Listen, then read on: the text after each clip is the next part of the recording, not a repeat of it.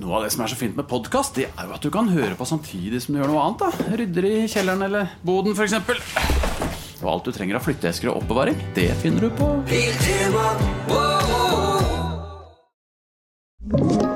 En podkast fra Podplay. Vi er så heldige at vi lever i en verden full av rock og metal. Så jeg har dratt inn masse hyggelige folk her til å jazze om rock, metal og selvfølgelig litt ekstra om Metallica. Et av verdens største metalband. Mitt navn er Erik Sjarma, og velkommen til Metallista.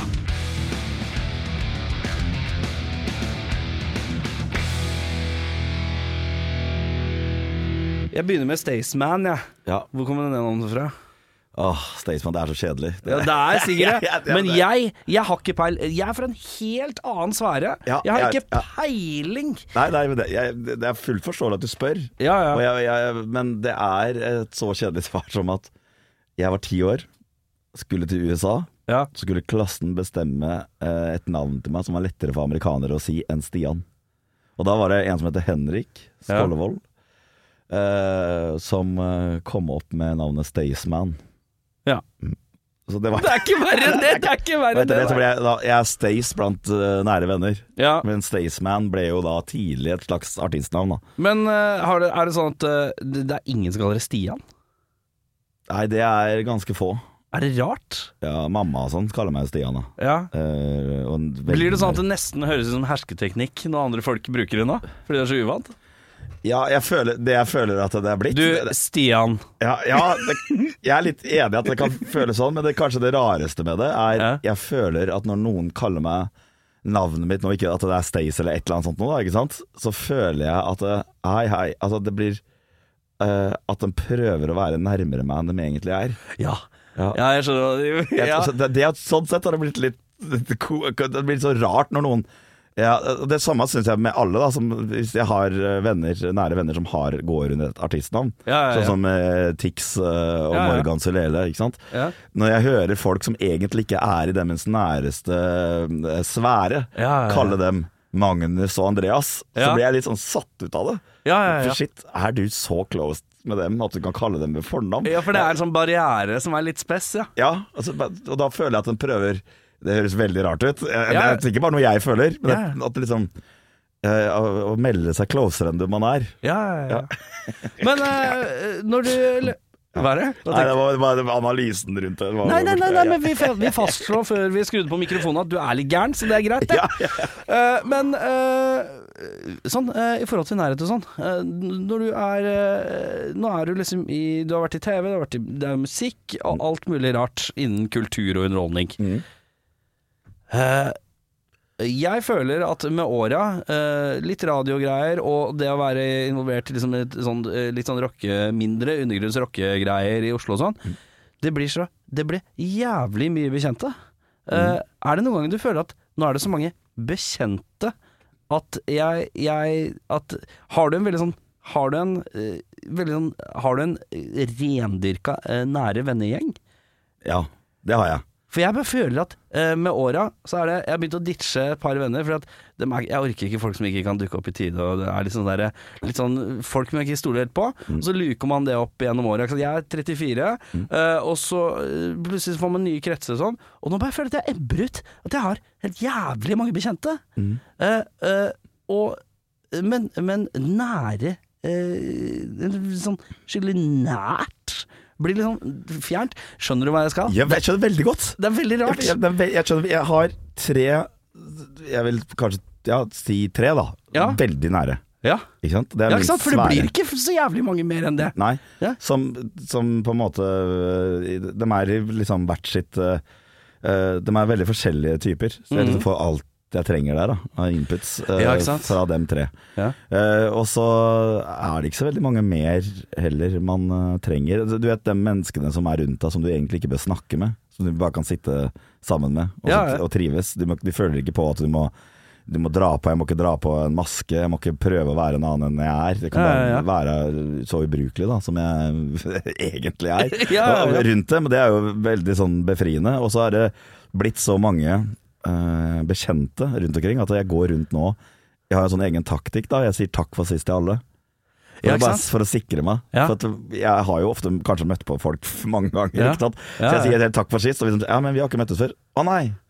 Nei, ok, greit. Uh, Stian. Men det er, for det er mye flauere å hilse på noen og si Stian, eh, du har hilsa på meg. Ja, det er mye flauere. Ja. Uh, opplevd på fest og sånne på ganger. Sånn, ja, vi har møttes før. Å ja. Ja. ja jeg, men jeg, jeg, jeg klarer ikke å Jeg er så dårlig på å fake det, så jeg bare sier sånn Jeg husker jeg ikke. Har ikke peiling, jeg beklager. Men jeg prøver å være jovial og folkelig for å få det til å debbe over. Ja, smart, smart. Alltid lene seg på jovial og folkelig, det pleier å ordne- seg. ja. Men uh, ja, herre min hatt. Uh, eh, hva, er det, hva er det som får deg til å begynne med musikk, da? Åh, det, det er så rart det der, for at det, når jeg var det, tre år Det her er jo, en veldig lang historie, merker jeg. Vet du hva? Ja. Her har vi tid. Ja, det er godt å høre. Nei, jeg var tre år, så dro mora mi meg med for å ha fått eh, greie på at det var bra for barn å være med på sånn sangkurs Ja. på Sangkroa i Fredrikstad. Eh, også, men jeg kommer ikke fra en familie som har noen musikalsk bakgrunn. Nei. Først når jeg var ti år, så kom min stefar inn i bildet. Han var gammel punkrocker og dro med noen Ebba Grønskiver, og, og, men han spilte i danseband også. Mm. Så da han kom med musikk til bordet. Men jeg, i hvert fall, jeg var der tre år på det sangkurset, og så skulle spurte om noen ville synge, og så hadde jeg reist meg opp på et bord og sang en sang. Mm. Eh, og det- er rart, for at det, er, det er det eneste som har fulgt meg sånn, hatt en rød tråd gjennom hele livet. At jeg liksom alltid har vært glad i å være oppe på en scene. Er, Underholde, liksom. Ja, Uredd for det. Veldig uredd for å underholde, men eh, samtidig så har jeg jo Det som ikke har samsvart, er jo talentet. Så det var når jeg Liksom, når jeg begynte å dra på med det greiene jeg holder på med nå, så var det jo å se hvor langt man kunne dra et veldig begrensa talent. Ikke sant? Bare med et slags underholdningstalent og et jobbtalent. da Ja, ja, ja. jeg sitter jo Jeg har veldig sånn dedikert jobben min selv den dag i dag med tanke på billettsalg. Jeg er veldig hands on, ringer alle arrangører, holder oversikt over alt.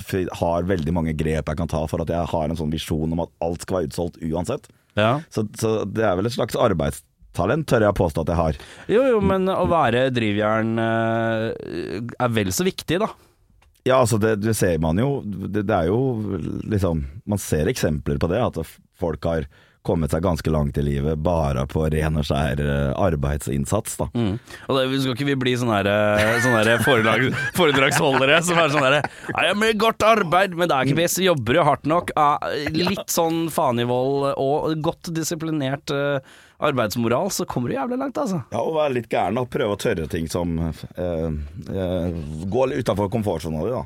Ja. Og, og det lærer du helt Det er ingenting du lærer mer av enn gå, at ting går til helvete, så mm, ja. Det, Men hvor gammel var du når du begynte med det du holder på med nå? åh, det var jeg Jeg vil vel si at jeg, jeg begynte når jeg var kanskje Jeg spilte i metalband. Eh, og så, høre, hva het det? Anaroksia. med rock. Anoraksia. Uh, jeg, jeg ruller Oi, skal vi se om jeg tar sånn I- Jeg tar IMDb-score på den, jeg, da. Og da kjører jeg rolig 6,2 Ja. skal du få av meg, for det er litt gøy. Det er litt gøy, men det er altså veldig dårlig. Men vi var jo vi var jo ikke gamle karene, ikke sant? vi var 12-13 år gamle da. Anoreksia. Ja, Anoraksia. F- eh, Den eh, største singelen heter Fuck You. Jo, men det You. klinger fint når det går fort, ja. Hva het singelen, sa du? Fuck You. Fuck ja, selvfølgelig. Den handla, den var, handla da primært om alle jentene på teamet vårt. Fy fader. Men det var jo en Jeg vil kalle det en sånn kvasihit ute på gresslekta her. Og det som var så gøy, er at alle de eldre metal-folka som vi så opp til, Ja. når vi spilte konserter, så kom alltid dem og så stelte seg på første rad og headbanga og liksom laga tilsvarende moshpits, da, sånn Ja, ja, inne på ungdomsskolen. Men var- eh, hva gjorde du der? Sang, spilte gitar, begge deler? Jeg sang og spilte gitar. Sang og spilte gitar, ja. Var det første bandet? Det var første band, ja. Ja. Det var jo, men det var jo det er gøy Eller for så vidt, det her er en digresjon, da. Men Kjør, det er det beste jeg vet, det er trist- digresjoner. triste med hele bandopplevelsen min på ungdomsskolen, var at jeg spilte i band. Jeg var liksom, jeg vil si frontmann da, i et band. Ja, ja, ja. Men eh, alle i bandet mitt fikk damer. Det gjorde ikke jeg. Du var han som ikke fikk, ja? jeg fikk ikke. Faen, du skal jo være den safeste rollen. Jeg vet det. Men jeg lurer på om den nye greia har blitt trommisene. Trommisene er de som egentlig Han herja, han trommisen vi hadde. Ja, ja, ja. Han, han, var, han var vill, og bassisten òg. Det var for så vidt også han andre gitaristen. Så dem hadde stålkontroll på det med damer. Men jeg, for meg så tok det kanskje fem-seks år til før jeg knakk den damekoden. Damekoden, ja. Jeg var for snill, rett og slett. Jeg var han som ble friendzona. Ja, riktig. Du var han eh, Jeg er keen på å være være venn med deg, for du er så snill og grei. Ja, fy fader, for forferdelig Kan ikke jeg snakke om følelser med deg, for du er så grei å snakke med? Jeg vet det, Og så Ja. tror man, så blir man som ung mann, da, så misforstår man, for de snakker følelser med deg. Ikke sant? Så Ja, tror de er forelska i deg. Ja, ja, ja. Og så prøver man seg på et eller annet, da, og så får, blir man Og så blir det kleint. Det blir kleint som faen. Jeg husker, men jeg hadde min ultimate hevn. Jeg var så utrolig forelska i en chick de siste tre-fire åra av ungdomsskolen. Eh, og da ja, sjette til tiende, sjuende tiende, et eller annet. Og, men jeg var jo supervenn, og hun hadde, hun hadde jo kjæreste på naboskolen og den klassiske ja, kjiptinga. Og husk, hver gang det var noe gærent med det, så skulle hun prate med meg om det. Mens jeg satt jo i mitt stille sinn og visste jo hva jeg skulle gjøre, så jeg bare var høflig og snill og grei, for jeg tenker på at det- det skal være uh, oppskriften, oppskriften på suksess. Det var det jo på ingen måte. Eh, men så gikk det noen år med videregående hvor vi ikke så hverandre, og så møttes vi igjen. Ja, da, da, da var det noe søt magi som skjedde. Eh, men da fikk jeg total panikk av hele greia, for jeg tenkte dette er sånn Dette her er for bra. Og så fikk jeg panikk eh, som en ung Som en sånn ung manns usikkerhet. Og bare sånn Hæ, livet skal ikke være så bra. Det her går ikke Nei, vet du hva, det er noe Jeg veit ikke. Jeg veit ikke. Jeg vet ikke. Og så bare backer man ut og sånn. Så blir det, så blir det en slags sånn på lista over The One That Got Away-aktig karakter. Ja, men det her er jo en, det som var value for meg, Ja. eh, og som jeg har tenkt masse på i ettertid. Jeg, jeg slet med å knekke kvinnfolkkoden da jeg gikk på ungdomsskolen. Mm. Ja. Men så etter hvert Da var jo han snille, da. Ikke sant? Han som ble friendzona alle. Ja. Eh, og da, på den tida der så skulle alle jentene ha de gærne, ikke sant. De skulle ha dem som uh, knuste ruter og eh, Ja, ja, ja. var idioter, da, ikke sant. Ja. Det, var jo det jentene falt som flue for. Bad boysa. Mm. Men det jeg så, når man da har klassereunioner og sånn, Mm. lenge etterpå, Ja. da husker de deg jo Men da har jo jeg knekt kvinnfolkkoden. Ja. Men alle husker deg jo som han snille. Ja, ja, ja. Dermed Jeg dro ikke på min reunion, jeg. Jeg jeg, jeg, jeg, jeg Jeg i det. Jeg, jeg fikk en sånn vibe at shit, det her var jo nå, De husker bare, bare og, og da har de jo andre verdier. Ja, ja, ja. Da har man jo blitt såpass eldre at da er det ikke noe sexy med han som knuste ruter lenger. Nei, sant? nei, nei. Da er det kanskje, er det kanskje Trygg havn er man trygg på- havn, ja. Ja, Så det, jeg mener jo og det må jeg si til alle boys der ute, hvis det er noen 15-åringer som hører på Metallica-podkasten her. Det er det helt sikkert. Og ved, til dere, hvis dere sliter med å knekke kvinnfolkkoden, bare fortsett å være good guy. Så vil det der slå tilbake på deg. Og det er mye gøyere å ha knekk kvinnfolkkoden i voksen alder enn på ungdomsskolen. Det er, det er da du trenger det. Det er da de trenger det. Det- Ja, det er deilig, det. Ja. Uh, men vi skulle til Hva slags podkast er det her, egentlig? Det- Jeg veit ikke, jeg vet ikke, jeg aner ikke. Det er noe greier. Jeg bare spør om hva jeg vil, jeg. Ja. Uh, men vi skulle til uh, hvordan du Ja, du spilte i metalband, og så Det er noe overgang mellom metalband og Ja. Staysman. Hva er det som skjer? Hvordan forekommer det? Det er ikke det at det er sånn Det, det starta opp Jeg begynte å spille norske viser eh, på kassegitar Ja. eh, som et sånt sideprosjekt Ja. til metalbandet mitt. Hva kalte du sideprosjektet? Nei, det var bare meg. Ja. Stian, liksom. Ja. Eh, og så funka det. Jeg gikk videre Hva på slags viser? Nei, Muntre vise om Vegards liv, heter denne låta. Det er jo om Vegard, den, han som var bassist i bandet mitt. Å ja, du lagde egne viser, ja? Ja, ja. ja, ja. ja, okay. Det var ja. egne sanger, Ja, ja. eh, blant annet. eh, og eh, Bygjengen lagde jeg, jeg fikk juling for det. For jeg lagde en sånn diss mot Bygjengen, som for øvrig i internettets tidlige fase ble lasta ned 5000 ganger fra en eh, nettside som vi la den ut på. En slags .tk-side eller noe? Det var noe sånt, ja, Ja, ja, det, den, det ble en sånn kvasehit i Men Fredrikstad-området. bygjeng Hva var det for noe? Jeg dissa liksom Bygjengen. Det en, var, har det vært en bygjeng i Fredrikstad? Ja, men det var jo sentrumgjengen, ikke sant. Og så har vi fra Gressvik, vi var jo vår egen gjeng. Okay. Men så spilte jeg den på Kulturmønstringa, og der var jo bygjengen. De sto på utsida og så på det på storskjerm. Oh, ja, ok. Så jeg fikk mye bråk ut av det her. Men eh, bygjeng altså, Når jeg tenker på gjenger og sånn, så tenker jeg på jeg, Siden jeg er sånn Oslo-kiss, Ja. så er det jo på en måte B-gjengen og sånn litt sånn Det er litt farlige gjenger. Ja. Var dette en farlig gjeng, eller var det bare folk? Det var ikke B-gjengen, men det var farlig. At det var den grad at jeg, vi ble jeg, Vi fikk knivtrusler og Ja, vi ok, ble vi er sparka i ansiktet og sånn. Så det var, det var litt sånn hektisk. Og det var vel folk som var og venta på meg på ungdomsskolen. Det var en periode der jeg ikke turte å gå på skolen, blant annet. Ja, ikke sant? Men hva gjør man ikke for kunsten? Men det som var greia, var at jeg fikk jo litt sånn selvtillitbuss, For jeg husker at mamma, som for øvrig har skrøtet av meg hele livet, Ja. eh, i hvert fall hele oppveksta, kanskje litt for mye, så jeg hadde liksom litt sånn veldig høy selvtillit i forhold til hvor Ja, ja, nivået mitt egentlig lå. Men jeg skulle være med i kulturmønstringa og gikk videre og sånn. Jeg endte opp med det, da, men da var mamma sånn Kanskje du skal øve litt mer? For jeg var redd for at jeg skulle drite meg ut da og bli mobba. Men da var jeg veldig sånn Du skjønner ikke greia mi. Mens det gjorde juryen, som for Ja. øvrig var Jeg tror Magnus Grønneberg satt i den juryen. CC. Cowboys. Oh, Ja, ja, ja. eh, og dem skjønte Du vet det var masse band, og masse sånne coverband og sånn som er på sånne Ja, ja, jeg, jeg har spilt på et par av de sjøl, ja. Yes, Men så kom jeg alene med en kassegitar og gjorde noe helt annet, og Ja. sang med den stemmen jeg hadde. Altså litt eh, De sa vel Ole Paus Odd Børresen-style, ikke sant? Ja, ja, ja. Og det applauderte dem jo, så de sendte meg jo videre. Og da, da husker jeg jeg fikk en sånn kjempeselvtillit-boost. Ja, ja, ja. Fordi Jeg kan gjøre det på egen hånd. Ja, og jeg Ja, ja. Tre, Herregud, de, de skjønte jo hva jeg har tenkt hele tida. Skjønte greia, ja. Så, men så var jo selvfølgelig Tom Mathisen av Rodes Falsk var jo også veldig inspirasjonskilde, eh, som gjør at det er liksom kort vei til eh, kanskje den partypopen, da. Ja, og øh, humor øh, Ja. ikledd musikk. øh, Ja, også, men så også må jeg også si, eh, det høres kanskje far out for mange, men i og med at min stefar som kommer inn i huset, gammel punkrocker, dro med seg punkrocken inn, Mm.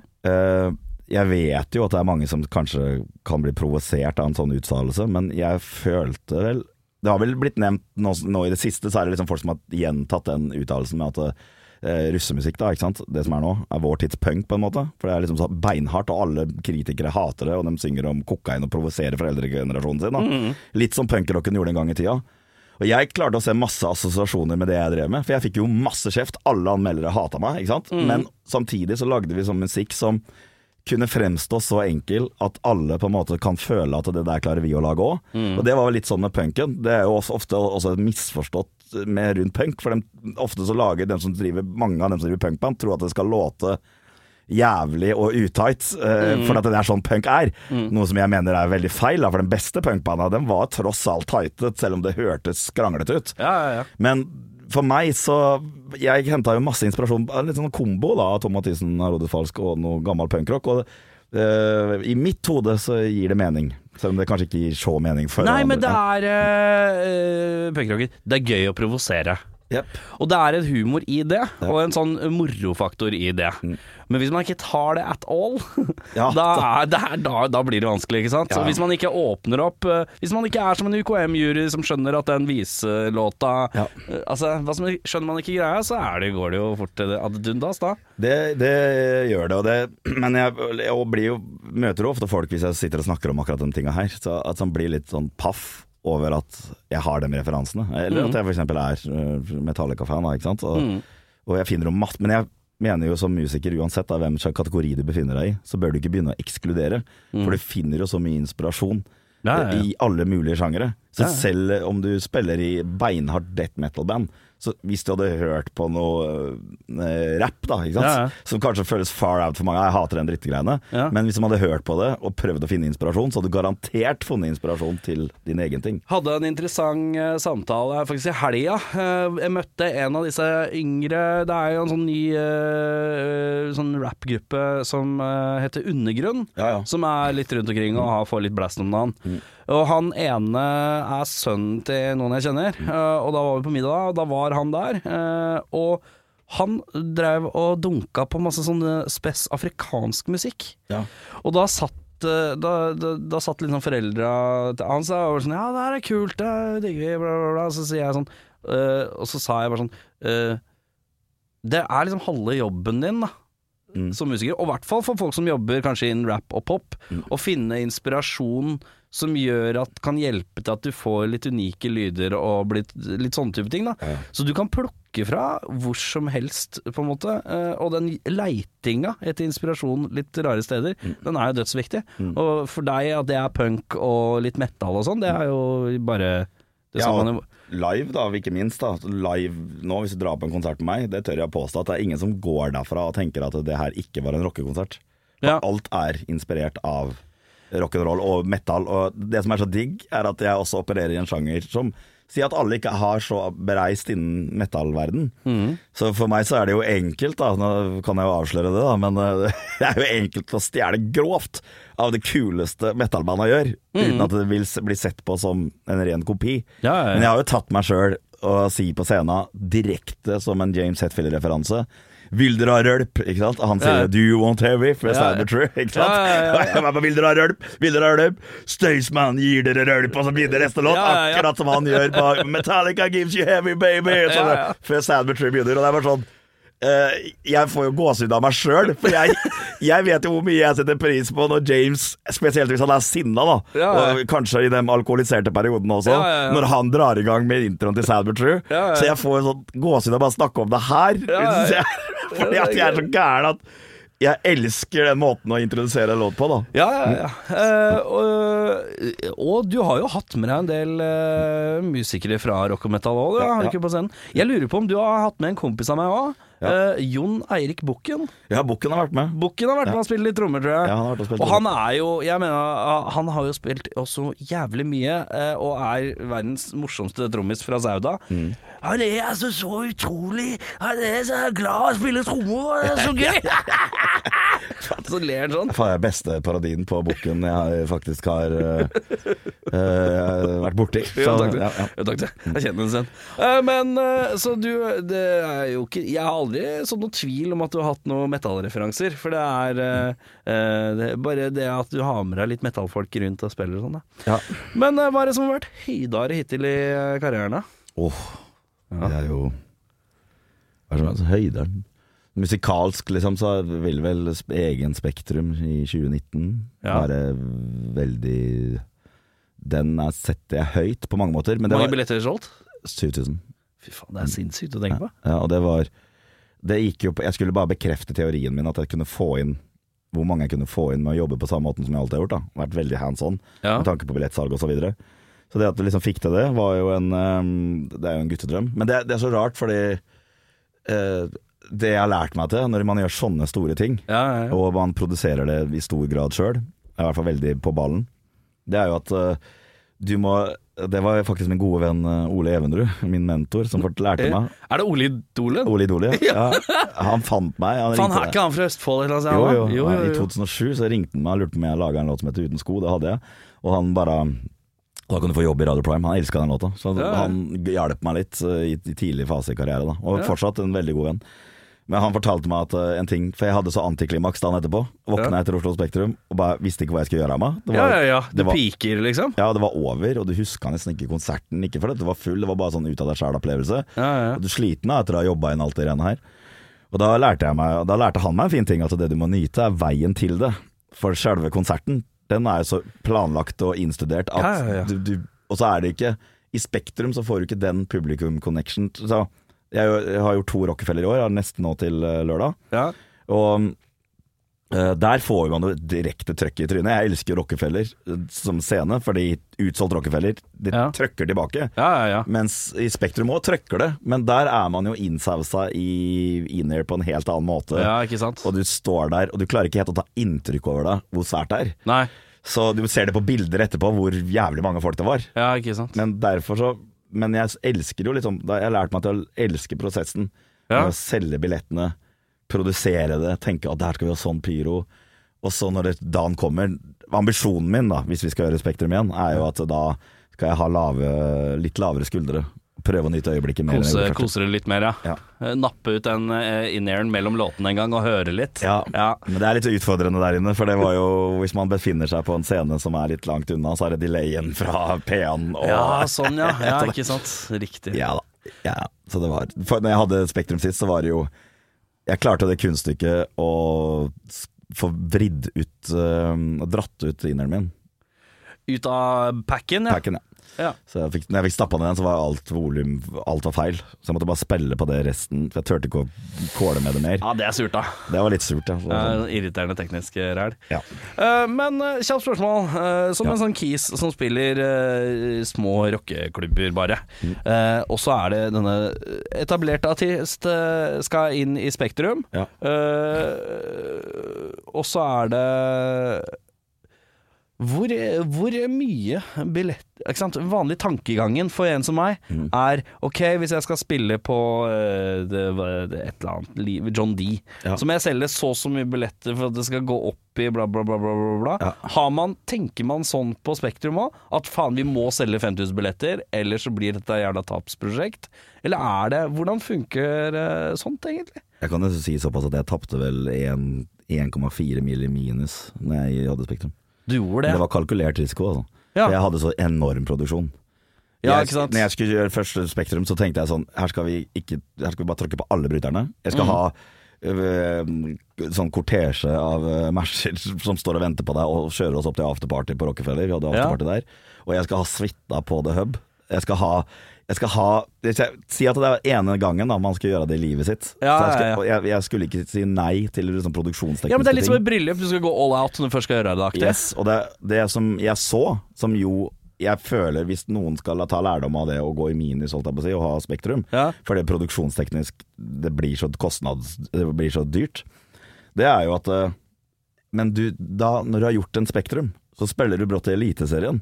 Og jeg gikk lenge og tenkte på hvordan f.eks. jeg skulle Når vi spilte festivaler eh, vi, vi lå på en hyre, vi visste det, ikke sant? Og så visste vi at eh, Fader, vi spiller jo eh, Det er jo masse folk her foran giggen vår. Og så vet jeg at bandet som ikke hadde så mange folk, har kanskje ti ganger hyra, da. Ja, ja, ja. Hva skal jeg gjøre for å komme meg til det punktet til dem? Hva har dem gjort, da? Dem som har ti ganger hyra mi, som spiller for mindre. Ja. Og det, da skjønte jeg at den banda ofte hadde gått den veien, og booka sin egen Spektrum-runde, og gjort de tinga.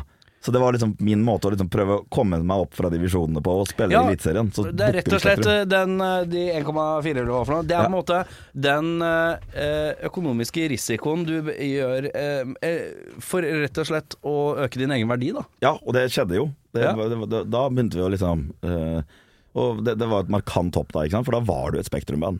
Og det Ja. tror jeg er Hvis andre der ute også tør å ta den sjansen da. Ja, Det er sykt mye jobb, og det er eh, en, et hueskjør det sånn, Det er Spektrum, liksom. Det ser kleint ut hvis det kommer Ja, ja, ja. 1300. Det ser kleint Ja, ja. ut, som Ja. er stappa på Rockefeller. ja, ja, ja. Men hvis du bare tør å gi gass og legger av nok tid på å jobbe, så tror jeg dem Altså De fleste klarer å få en positiv opplevelse i Spektrum. Ja. Hvis du ja, ja, Prøv alle midler i verden da for å selge de billettene, ja, ja. og så tar du heller den minusen, men da er du Spektrum-band. Når har det vært døvest å være Staysman, da? Det- Når er det døv? Det, Når har det vært døvest? Hva har vært den største nedturen eh, med, med dette? den største nedturen Eh, Det har vært en sånn der Liksom En veldig opptur de siste ti åra, og veldig mye å være takknemlig for. Ja. Det kanskje rareste, det er eh, Nå blir det her veldig personlig, da. ja. Men eh, eh, det jeg syns er kanskje vanskeligst den dag i dag, Ja. med å være et offentlig tryne, ja. det er vel kanskje når jeg har med barna mine på ting, Mm. og det vedvarer. Det, det stopper jo ikke opp. Trynet ditt er jo offentlig, ikke Ja, sant. Så, Men og- du er i pappamodus. jeg er i veldig pappamodus, og jeg har, prøver å få en sånn løsning på det når Hvor gamle kids har du?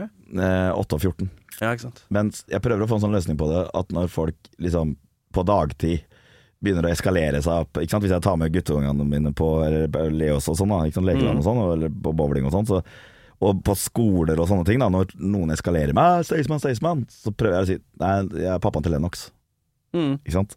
For å prøve å skjerme situasjonen, da. Ja, ja, ja. For, og, og at dem som står der, blir litt bevisst på at i dag er jeg pappamodus. ja. Men den er ganske vanskelig.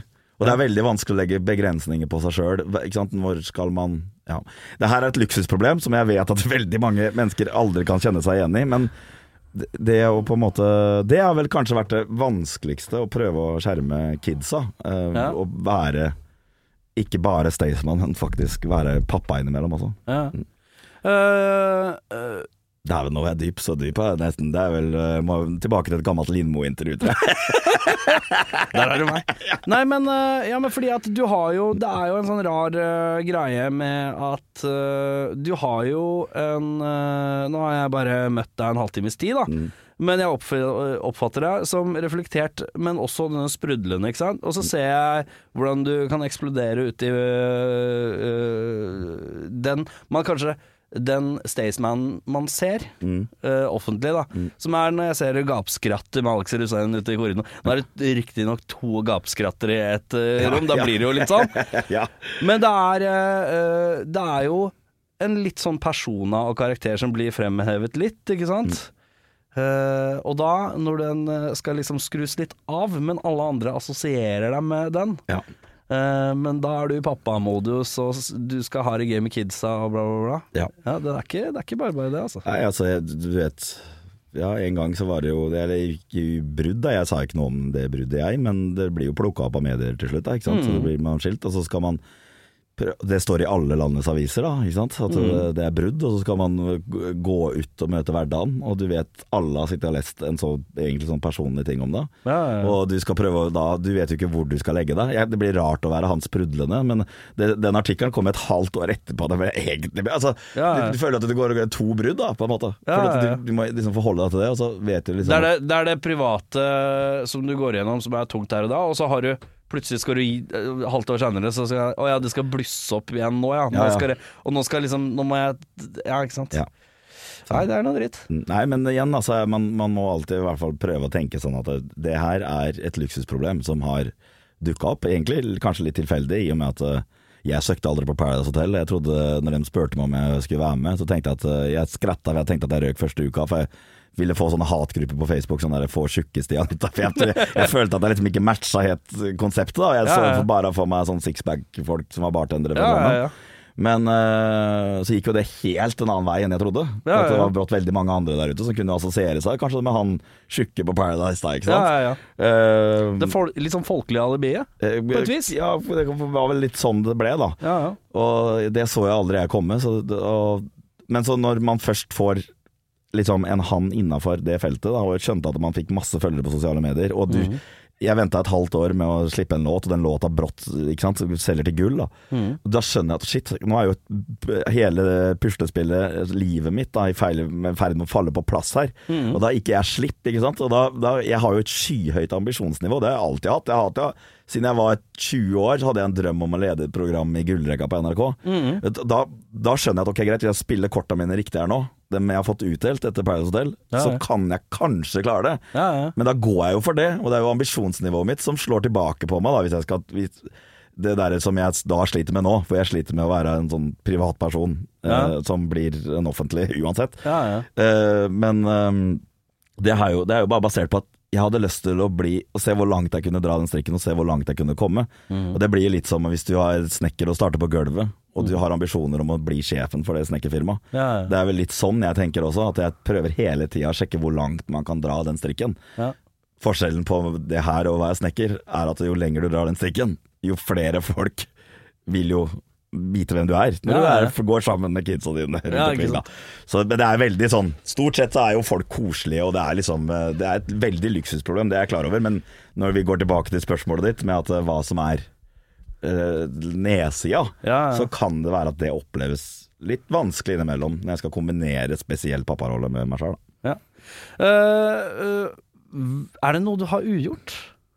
Å, det er mye. Hva står på dette må jeg få gjort før jeg dør-lista?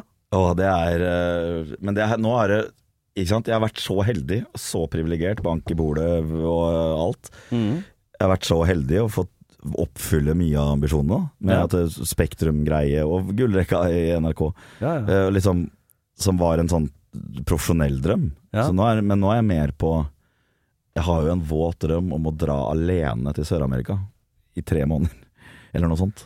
Bare, som, bare på ferie, liksom? Ja, loffe rundt. Loffe rundt? Ja. Og på, hva- heter det, Machu Picchu og, Ja. eh, og Jeg liker at du skal ha Du er keen på en sånn Det er litt sånn 19 år gammel jente som skal til Thailand-tur. Sånn Ja. Backpacker-tur. er, det er sånn jeg vil. Så jeg er ikke sikker jeg syns det er så gøy etter måned to, da. Men hvorfor kan ikke du gjøre det? Nei, men jeg, jeg har jo mine forpliktelser hjemme. Men jeg, det er i hvert fall en drøm jeg har, Ja. som, jeg, som er liksom mm, kanskje det neste på agendaen. Ja. Ja, altså Profesjonelt så er det vel da Nå kommer promotøren i meg fram, da, men vi lagde en dokumentar i, primært i Nord-Norge i fjor, som kommer på NRK1 nå i november, Ja. som heter Forbannelsen. Som var helt fantastisk morsom å lage. ja. Så, så eh, jeg håper jo det som Dokumentar om deg? Nei, det er en dokumentar. Vi reiser rundt i Ja, men det er mye sier i det livet her, si. Vi reiser rundt uh, til uh, mer eller mindre ganske små plasser, da. Ja. Som har en myte, eller en forbannelse ved seg. En historie, da. Som har gått igjen på folkemunne. Ja, dette liker så, jeg godt. så reiser vi dit, jeg og Ole Rune Hetta. eh, Vi har laga det med NRK Sápmi. Ja. Uh, Og så reiser vi dit, og så begynner vi å nøste opp i den historien, om det er noe in.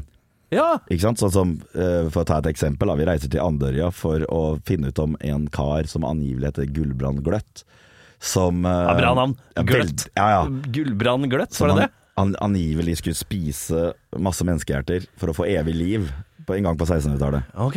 Og Det er en sånn historie som går igjen i på Andørja, som folk har hørt om. For det er veldig mye sånne gløtthuler og sånt. Som, Har det sånn prøve å finne slektninger og et eller annet? da? yes, Sånn- da går vi helt til verks på det. da Besøker riksarkiver, og vi går liksom i dybden på det. Så det er jo en det er jo ikke en eh, Det er ikke åndenes makt, men det er jo Vi oppsøker jo okkulte ting. Og man har jo liksom opplevd å Du vet hvis det når alle forteller deg en spøkelseshistorie om et spesifikt sted, Ja, så er det dritscary å ligge og sove der.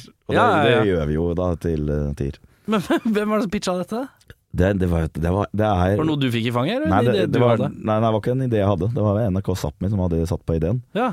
Og så ble det gjort uh, virkelighet av, og, og nå skal det på skjermen. Så Men uh, ja, det høres så jævlig mye rart å gjøre! Ja, det er det, men det, akkurat det her Jeg som elsker Nord-Norge, jeg elsker jo Finnmark. Jeg, jeg er sånn, Mange ser på meg som gæren, for jeg valgte liksom Jeg hadde en friuke nå. Ja. Barnefri og alt, liksom. Jeg valgte å tilbringe en uke i Finnmark.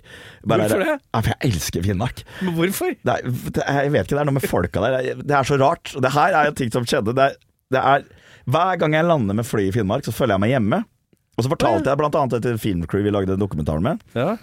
Eh, jeg eh, fortalte at vet du jeg, det er så rart, for hver gang jeg kommer ut her, uansett hvor kaldt og jævlig det er her, så, så elsker jeg å være her. Jeg, jeg føler meg så eh, Det er bare som skuldrene bare detter tre hakk. Det er som å være hjemme.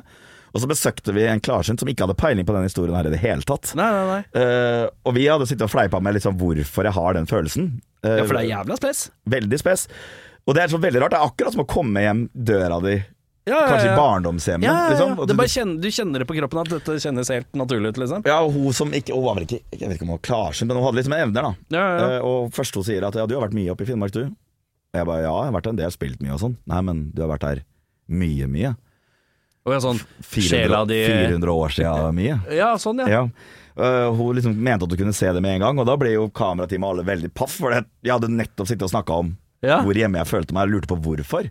Ja. Og så har vel pappa nesta litt opp i det. Det viser at jeg har, når vi går 150 år tilbake, så er jeg oppe i Vadsø, familie. Ja, ikke sant? Så det er et eller annet der som Men det er gøy, da. Litt sånn mystifistisk som ligger til grunne, øh, men det er, er det noen spor tilbake, ja? Det vet jeg ikke, da, men det er en veldig rar følelse at du drar til et sted, og du bare går, går ut av fly, og du bare Ja, for det er forskjell Det er veldig forskjell på å dra et sted, og så trives du der, Ja. men å føle seg naturlig hjemme, det er en spes, spes følelse, ja. Det er en veldig spesiell følelse. Så superprivilegert, altså igjen, da, som fikk lov til å lage den dokumentaren. Som vi, tilbringte jo Jeg var jo på need to know-basis òg, Ja, så, ja, så jeg var jo sånn Du skal nå 14 dager til det sted, Ja, ja. og du skal bare leve deg inn i et eventyr. Tenk deg virkelighetsflukt, da. Det er jo terapi. ja, Du reiser dit og bare kast, omfavner en helt sinnssyk historie som du skal lage TV av, da, men det, det føles jo bare ut som du, du Det er mange mennesker som sikkert hadde betalt masse penger for å få den opplevelsen. ja, ja. Herregud. Det er spes. Det er spes, ja. Det er spes. Ja. Uh, Finnmarkingen. Du er din indre Jeg har finnmarking. tatovert i Finnmark på Har du det? ja, på armen. Hvorfor i Finnmark? Nei, det er jo lokalavisa der oppe. Oh, ja. Men det som er tingen er at uh, jeg er så glad i Finnmark, og så var jeg i et intervju med en journalist, da, Ja, og så sier hun bare på tull, for hun vet at jeg tatoverte andre ting jeg har vært deltakende i. Ja, ja. Så sier vel hun på tull at du skal ikke tatovere i Finnmark-logoen, da. Jo, det skal jeg. Hvis vi ordner time i morgen. Det ble direktesendt på, på I Finnmark-TV. Ja, ja. Eh, At jeg tatoverte I Finnmark da på armen, så var stas, det. Herregud, jeg kjenner at jeg kan sitte og bable nå ganske lenge, men vi har noen Metallica-spørsmål vi må gjennom òg. jeg vet det, sorry. Altså, det er digre, jeg, jeg, er, jeg føler jeg er kongen av digresjoner. Ja, men du sitter med dronninga, så det går greit, fint. greit. Noe av det som er så fint med podkast, det er jo at du kan høre på samtidig som du gjør noe annet. da Rydder i kjelleren eller boden, f.eks. Og alt du trenger av flytteesker og oppbevaring, det finner du på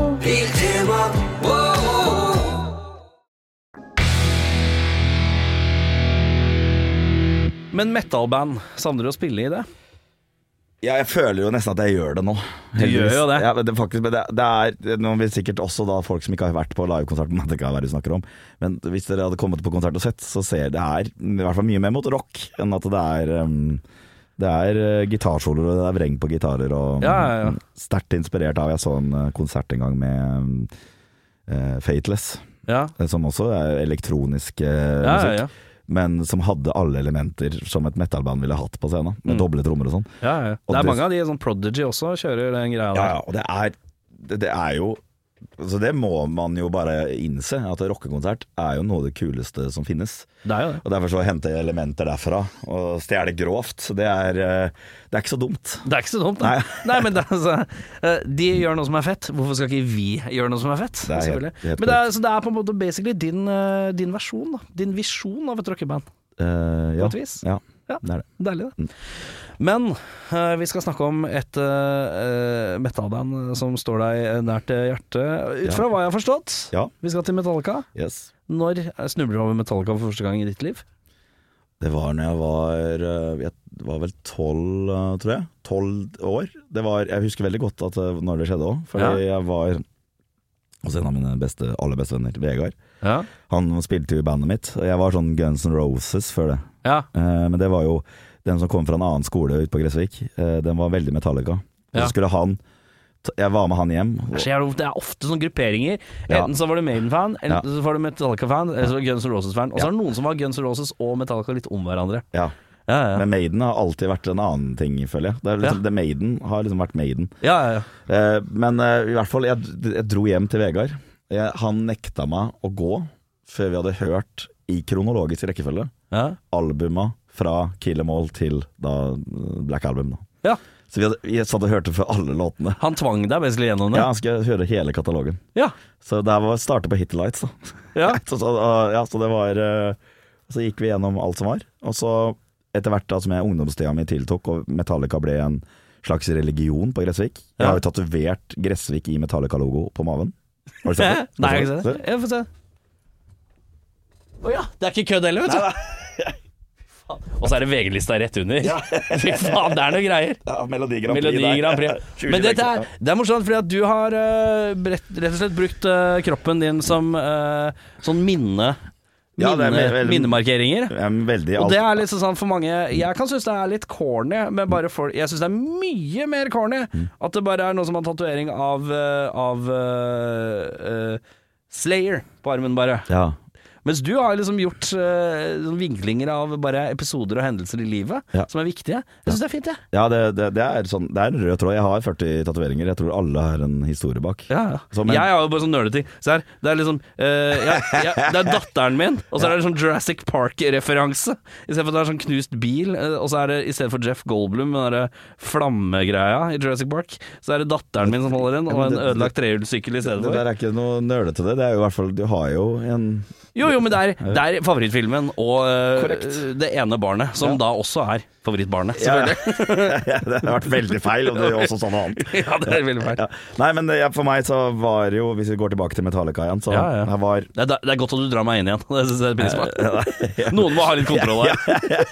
det, var, det var det at vi hadde så sinnssyke med digresjoner i stad, så jeg Ja, ja, ja. satte meg sjøl i en sånn situasjon at jeg skal videre etter hvert. ja, ja. Men jeg har ikke dårlig tid, altså.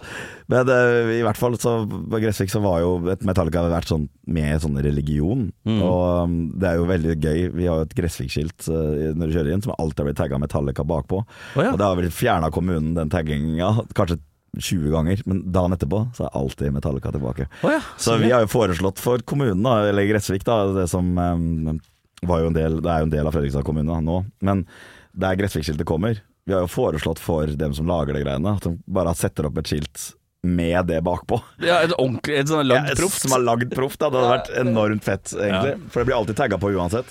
Nei, så For meg så er jo da soundtracket til hele ungdomsskolen min. Ja. Mm. Det er liksom første låta vi lagde. Vi var jo for Home the Beltals, liksom. Det første de lærte deg på gitar. Ja, ja, ja. Og, og jeg, det er jo så rart, for når jeg, når jeg hører Master of Puppets da nå, så er det sånn Jeg husker smaken på den første øla man drakk. Ja. Du husker dama du var forelska i. Du husker at uh, en som vi kalte Sleiken, han kalles vel det ennå. Sleiken. Sleiken la, uh, rota med en dame inn på naborommet. Altså, du, du, jeg har jeg Det er er så mye minner. ja, det er så sinnssykt å høre på den. Du, du får liksom lukta av den tida. Altså, det er så veldig rart hvordan musikk kan henge sammen med livsstil, livsminner. Da. Ja, ja. Så for meg så er det liksom Når Mouse of Puppets kommer på, så blir det sånn det sånn rar følelse. Sånn mimrefest. Ja, så sinnssykt òg. Du savner den tida. så Det blir retrospektivt eh, på et vis. Ja. Eh, vi setter i gang med beste lineup, uh, spør jeg på da. Litt sånn valg av bassister, kanskje, men ja. Det er vel det det går i der, ja. Eh, Det er jo Altså, du har jo Cliff, Erland. Det er jo Men jeg, jeg er liksom Jason òg er jo suveren type, vet du. Jeg, jeg liksom Han, Jeg skal han ikke si hva jeg syns uh, før du har avslørt ditt. Nei, ikke gjør det, men uh, øhm, jeg, Han fikk jo så i Han har ikke blitt behandla så veldig bra, godeste Jason. Nei. Så han fikk jo skjørt seg litt. Og så, samtidig så, så tror jeg veldig mange nå sånn i ettertid savner eh, Jason litt. Og, og man hyller han litt for at han faktisk stakk fra verdens største band. Basert på liksom kunstneriske uenigheter. Det er jo et eller annet metal med det òg. Selv om jeg er Ja, liksom ja, ja. sånn kommersfyren i meg vil jo bare ah, Hvorfor gjør du noe sånt? Mens kunstneren i meg tenker jo at du har baller av stål, da. Som tør Ja, ja. Ja. Så la, jeg, vi, vi må heie litt på han, da. Ja. Ja, Jeg er også en Jason-mann. ja du er det, ja. Jeg bare ja. liker de blodårene i nakken hans når han brøler. Ja. Ja, tøff, ass. Å, herregud. Og headbanginga hans, Ja, da. Den er helt vill. Han er litt sånn hardeste, og da Ja. tenker jeg det, det går. Ja. Uh, går Når han sier 'die' på Creeping Desk Ja. Die! Die! Og det det er, deilig. Ja. Uh, gå til ditt indre barn. Mm. Favoritt, favorittmedlem. Jeg, har en mistanke. Ja, det er James Hetfield, Ja, det ble det, ja. Frontmannen, ja. ja. Tror det, altså. Jeg har da studert James Hetfield ganske mye. Det er, Jeg får ikke bedre frontfigur. Jeg, det er jo forskjellige perioder. Det er selvfølgelig trist. Han har jo også nevnt det sjøl, tror jeg, Ja. at uh, det er trist ass, når han er full, hvor, hvor god han er. Eller liksom, Ja. hvor bra han er i fylla. Ja, ja, ja, ja. Og Overraskende. Ja, veldig. Og det, det, det som har vært et problem som har gjort at han kanskje har falt tilbake også, det blir veldig spekulasjoner fra meg, da, men han vet at uh, sinna James i fylla er Gud, ikke sant? Ja, ja, ja. Mens når han er i edruperioder du, Du kan se markant forskjell. Ja, han blir litt streit. Han blir litt nykristen Ja, veldig. eh, på en eller annen måte. Jeg husker at jeg fikk en sånn aha-opplevelse, for vi satt hjemme, jeg og min eh, bassist eh, Lars Erik Myran. burde jobber i Artistpartner. burde vært invitert til den podkasten her. Ja, ja. Når jeg slengte ut. Ja, ja, men det er fint, det. Ja, men han, han spilte bassist for mange, han da. Men vi satt hjemme hos meg og så på YouTube. Metallica er jo blitt helt rå på sosiale medier. Ja, ja. De legger ut alle konserter og sånt Ja, på ja, ja, det er kjempedeilig. Ja, og da satt vi der, og så var det vel i Berlin. Og så satt vi der og bare Å, vi, nå er vi med, liksom. Og da ser jeg på James, nå er han i form, liksom. Ikke sant? Og så sitter vi der litt og så bare Nei, shit. Han er full. Han er full. Det er det som er. Ja, og så bare gikk det en uke. Kansellerte show. Ja, ikke sant? Han måtte ta vare på seg sjøl igjen. Ja, ja, ja. Eh, så det var sånn det er ikke sant, Den gamle James er tilbake. Og så, bare, så, så, brått så sier Lars til meg at bare, Nei, men han er jo full igjen. Ja, det det var ja. Eh, og det er synd, da. Det er jævlig synd, da. Ja, ja. Eh, Åssen er du? Er du best uh, Går du på scenen med promille? Jeg antar et ja. Ja, men det er faktisk ikke lenger. Ikke lenger? Nei, Har du roa? Ja, jeg, det som er greia, er at jeg har med så mye pyro.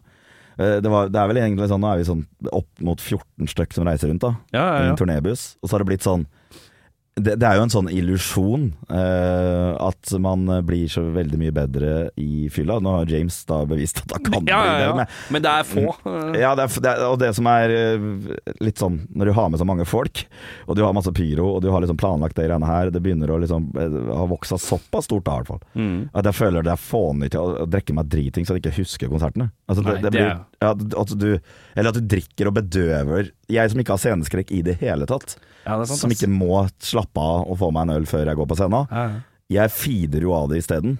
Så det å oppleve det trøkket, og liksom ikke være sånn bedøvd av seks halvlitere før man går på, liksom. Så for meg har det blitt mer at jeg, jeg starter med første ølen på scenen.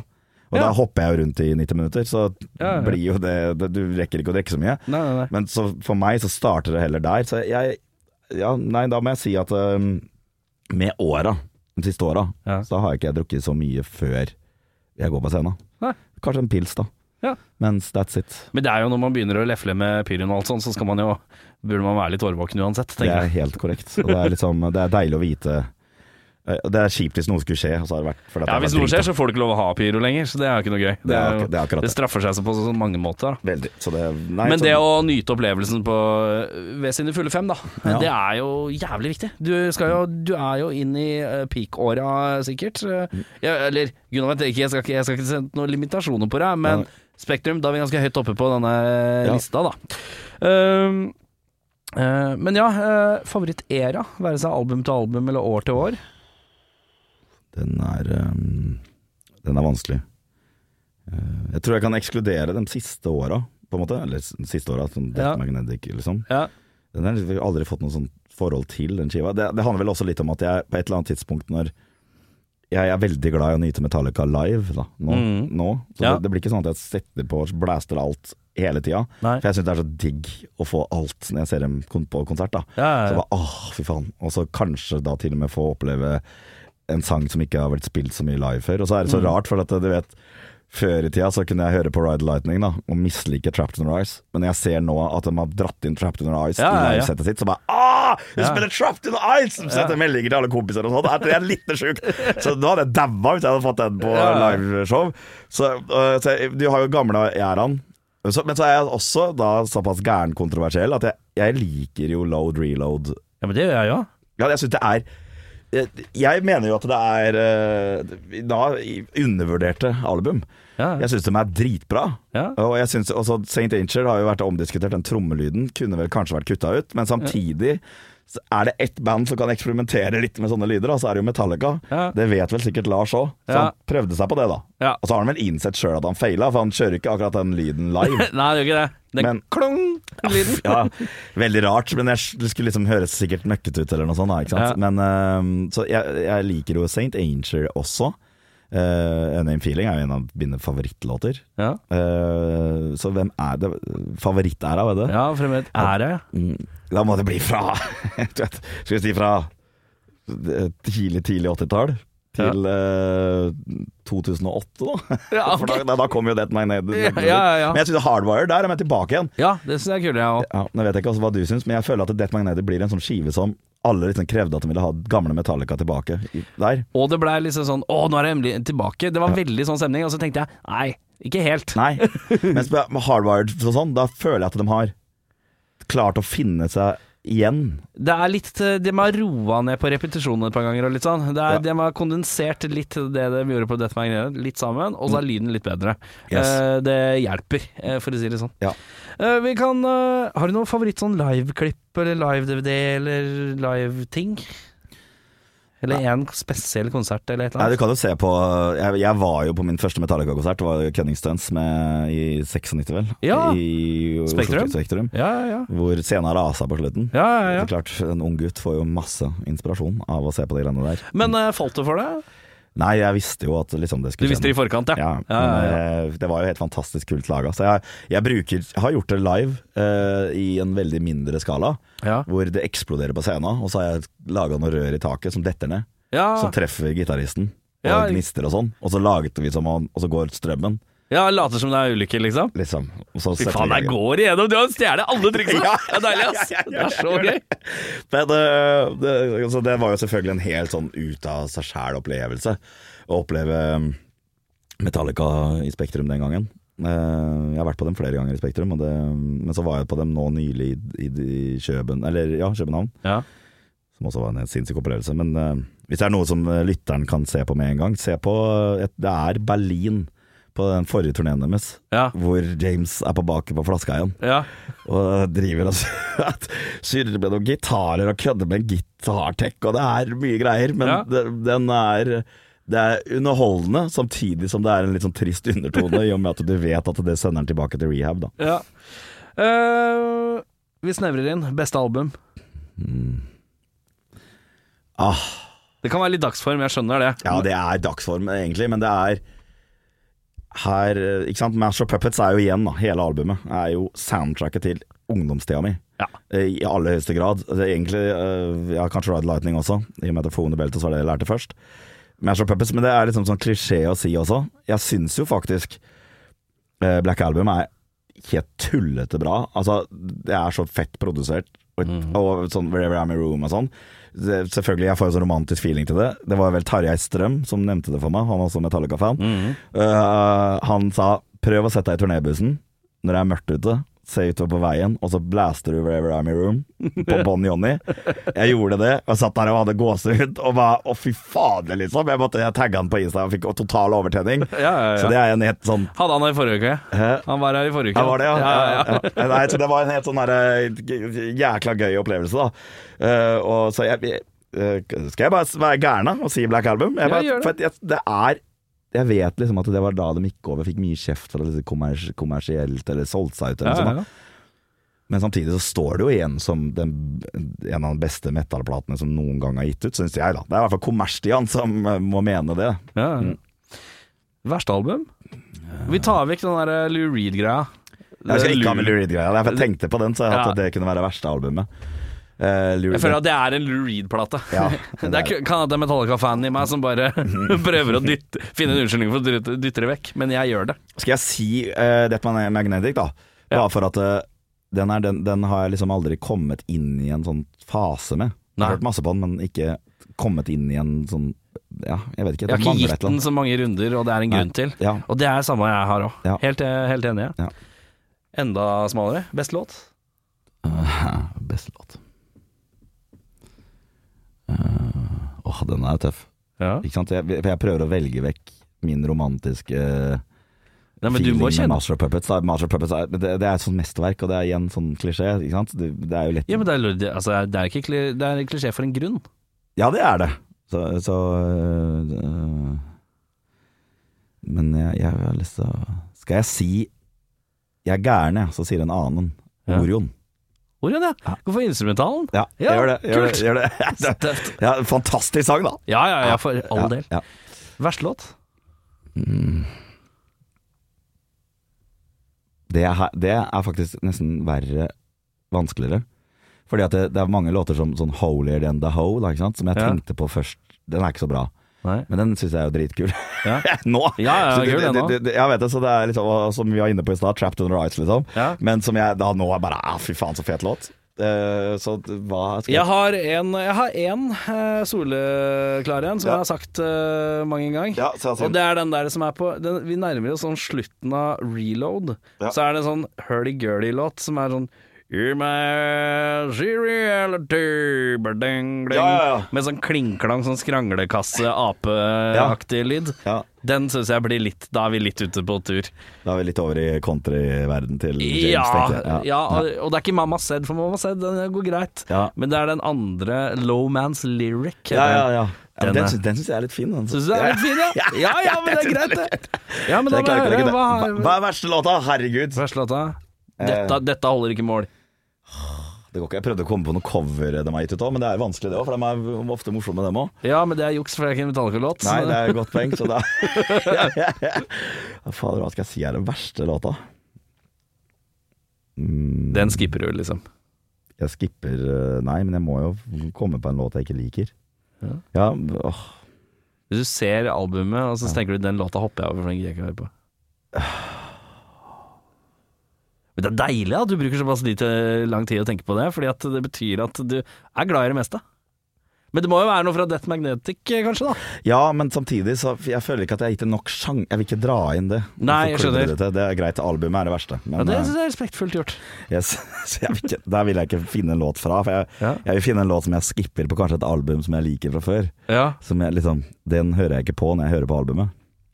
Men det, det som er problemet med Metallica, at jeg, da Ofte så hører jeg på den låta til han er At jeg liker den. Liksom. Ja, du gir det så mye tid. Jeg, jeg gir den så mye tid at jeg elsker den til slutt. Du kan la den ligge, og så skal, så, Ja. så kan vi se litt som siste spørsmål seinere. Ja. Så vi, kan vi ta, komme tilbake til den. Ja, greit.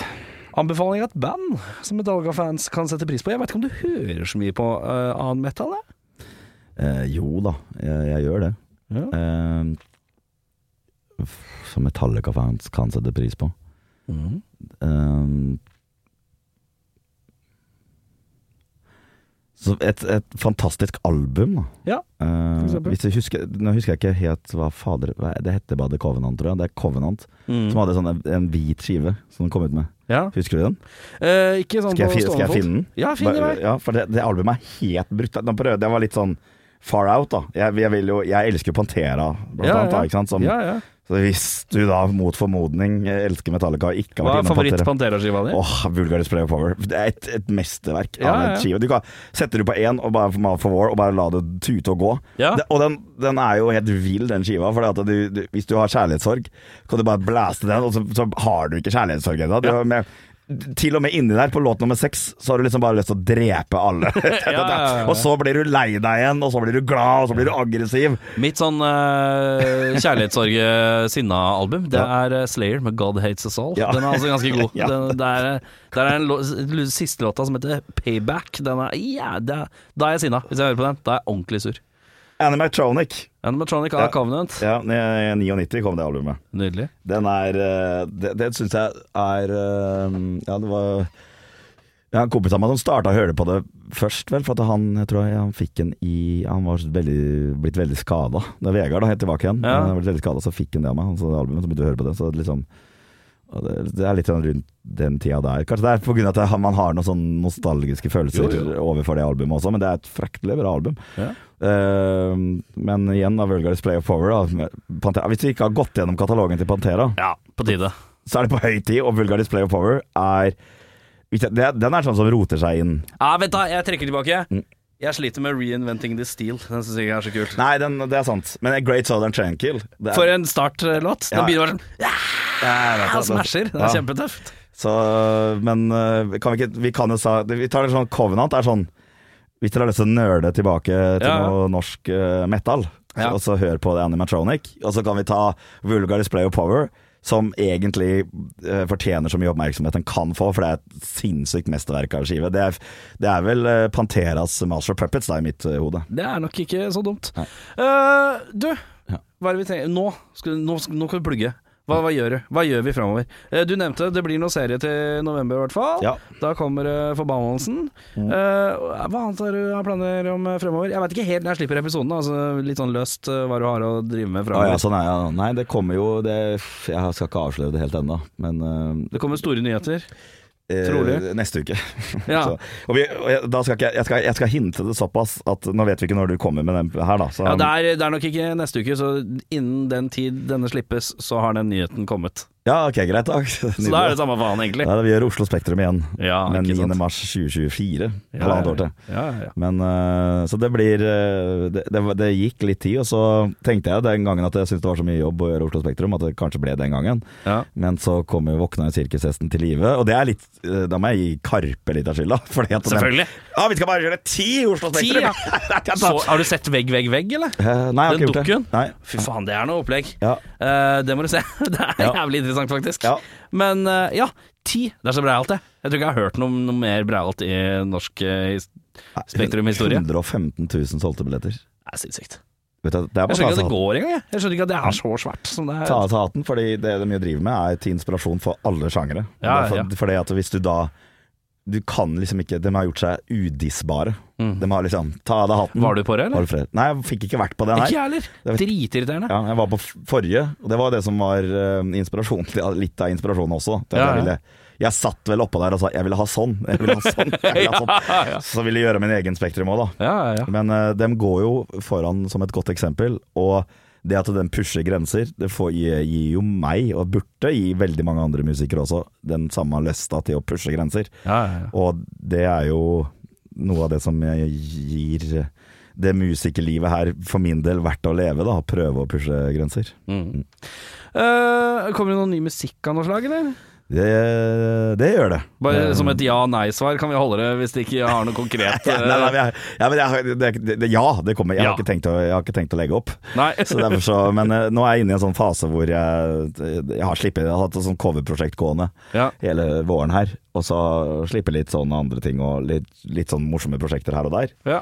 Så Men ja, jeg skal eh, det, Litt av problemet er at det, man, når man spiller 85 konserter og skal prøve å ha et familieliv og lage TV, eh, så ender man opp med at det blir brått lite studiotid. ja, det er rart, det der. Ja, så det, men samtidig, bank i bordet, så i hvert fall ruller konsertene og sånn bra. Så Ja. man har i hvert fall en katalog å komme, komme til bords med. Eh, du, eh, tusen takk for besøket. Jeg har ett spørsmål igjen, da. Mm. Ja. Hva er det?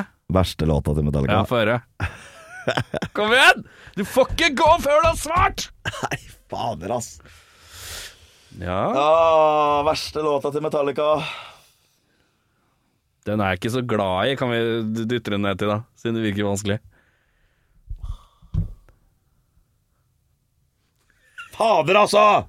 Ja. Jeg, kommer, jeg, jeg, må, jeg, må, jeg, må, jeg må titte. ja. Jeg skal ikke klippe en dritt. Nei, ikke et klipp. Dette La her- folk eh, vente. Kjenne på, kjenne på at dette er vanskelig for deg. For det sier noe om hvor glad du er i Metallica, tenker jeg. Ja, det gjør det. Ja, og det syns jeg er litt fint. Eh, så vi lar det Jeg lar båndet gå. Vi Båndet. sier eh, liker at du sliter. Jeg sier Invisible Kid på St. Anger. Ja, den er litt døv. Ja, for det. Den er litt døv. Den, den har blitt skippa, det, Ja. vil jeg, det vil jeg si. Men nå, nå kommer jeg helt sikkert til å ha dårlig samvittighet overfor den låta. Og så begynner jeg å høre på den til Blæste ulykkeren. den- blæste den i bil på en jepp, og så, kom, så angrer jeg når jeg kommer på lufta. Men du, takk for besøket. Det har vært veldig. meget trivelig å bli litt kjent med deg. Veldig koselig i like måte. Du har hørt en podkast fra Podplay. En enklere måte å høre podkast på. Last ned appen Podplay, eller se podplay.no.